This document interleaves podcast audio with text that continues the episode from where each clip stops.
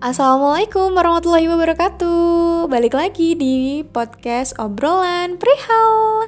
Kali ini aku mau bawain satu buah topik Yang pastinya ini topiknya tuh Orang-orang pasti udah pernah ngerasain Termasuk aku sendiri udah pernah ngerasain. Nah di sini aku ambil topiknya itu tentang percintaan Dengan judul Melangkahlah mundur darinya. Kenapa aku ambil judul ini?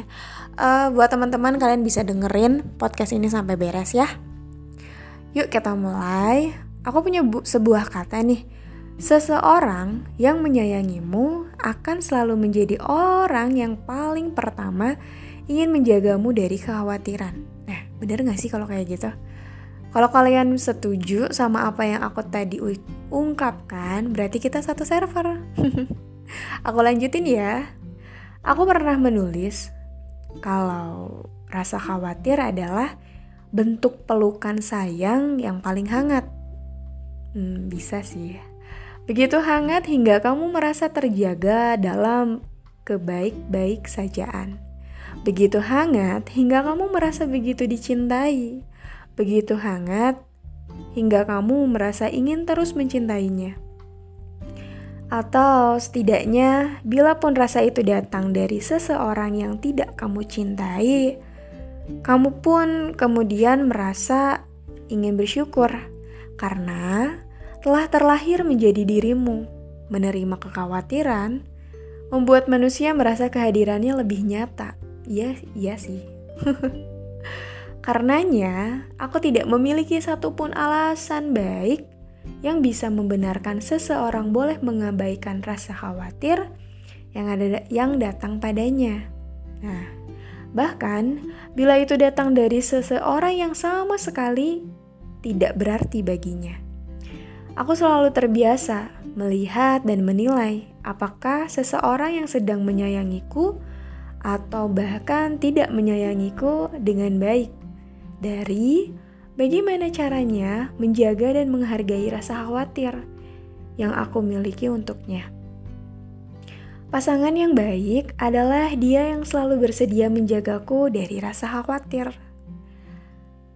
Dia tidak akan membiarkanku terus bertanya-tanya apakah dia sedang baik-baik saja atau di mana dia sedang berada saat ini.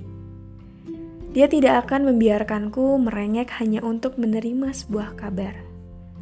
Dia tidak akan membiarkanku bersedih karena ketidaktahuanku atas perasaan yang sedang ia alami. Nah, buat teman-teman yang udah dapet pasangan yang kayak gini nih, udah ngerti banget. Tolong please jangan dilepas. Kalau bisa segera dihalalkan ya. Buat teman-teman, pokoknya yang terbaik deh. Nah, kita lanjutin ya. Seseorang yang menyayangiku dengan baik tahu betul bagaimana rasanya sesak karena dia baikan.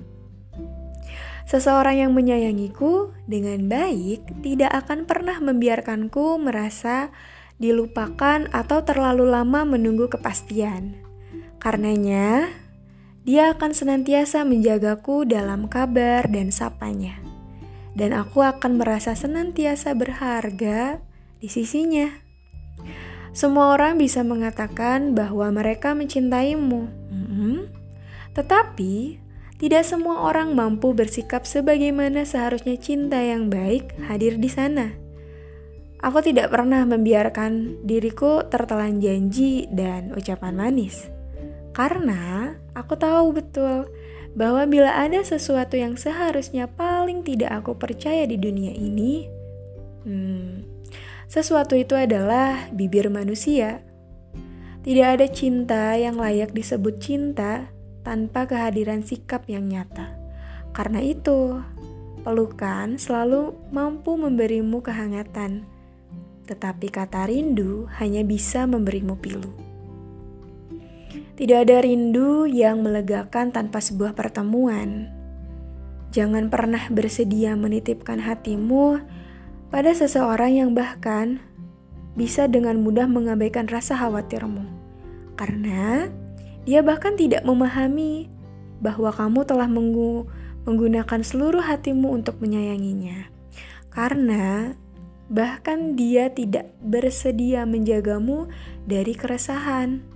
Karena bahkan dia tidak mau mengerti bahwa satu-satunya yang bisa membuatmu tenang adalah ya kabar dan kehadirannya. Melangkahlah mundur dari dia yang tidak pernah kamu pahami ke mana arahnya hendak pergi.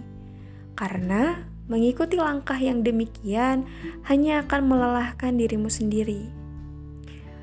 Ada satu quotes nih. Seseorang yang menyayangiku dengan baik tahu betul bagaimana rasa sesak karena diabaikan. Cukup sekian aku bahas topik hari ini. Selamat bertemu di podcast berikutnya dan selamat mendengarkan podcast-podcast yang udah aku posting sebelumnya. Buat teman-teman boleh dong minta di-share juga ke teman-temannya supaya informasi yang aku kasih buat kalian kesampaian juga di teman-temannya kalian. Sampai jumpa di podcast berikutnya. Wassalamualaikum warahmatullahi wabarakatuh.